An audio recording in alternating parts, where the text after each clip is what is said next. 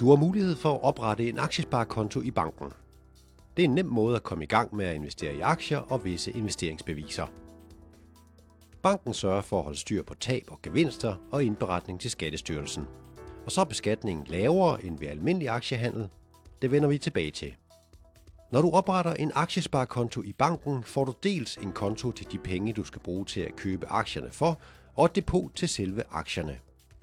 I 2024 er grænsen for dit maksimale indestående på din aktiesparekonto 135.900 kroner.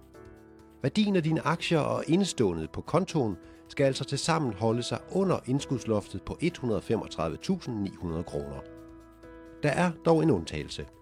Du må nemlig gerne bryde igennem loftet, hvis bare gennembruddet skyldes, at de aktier, du har liggende i depotet, er steget i værdi, og ikke at du har sat for mange penge ind på kontoen.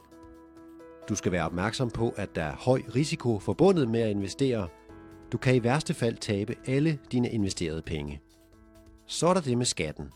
På en aktiesparekonto fungerer det anderledes end det du måske kender fra almindelig aktiehandel.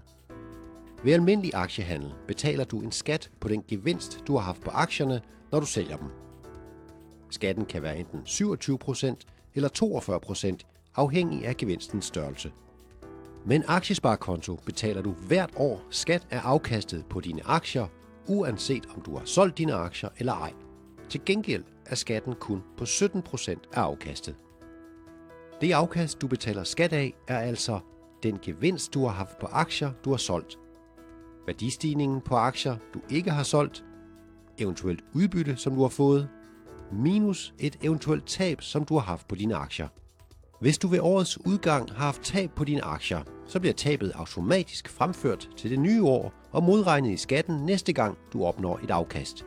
Der kan oprettes en aktiesparekonto per person, og du kan handle aktier eller investeringsbeviser i din netbank så ofte du vil. Du skal dog være opmærksom på, at det er forbundet med omkostninger at handle værdipapirer. Du kan også oprette aktiesparekonti for dine børn, også hvis de er under 18.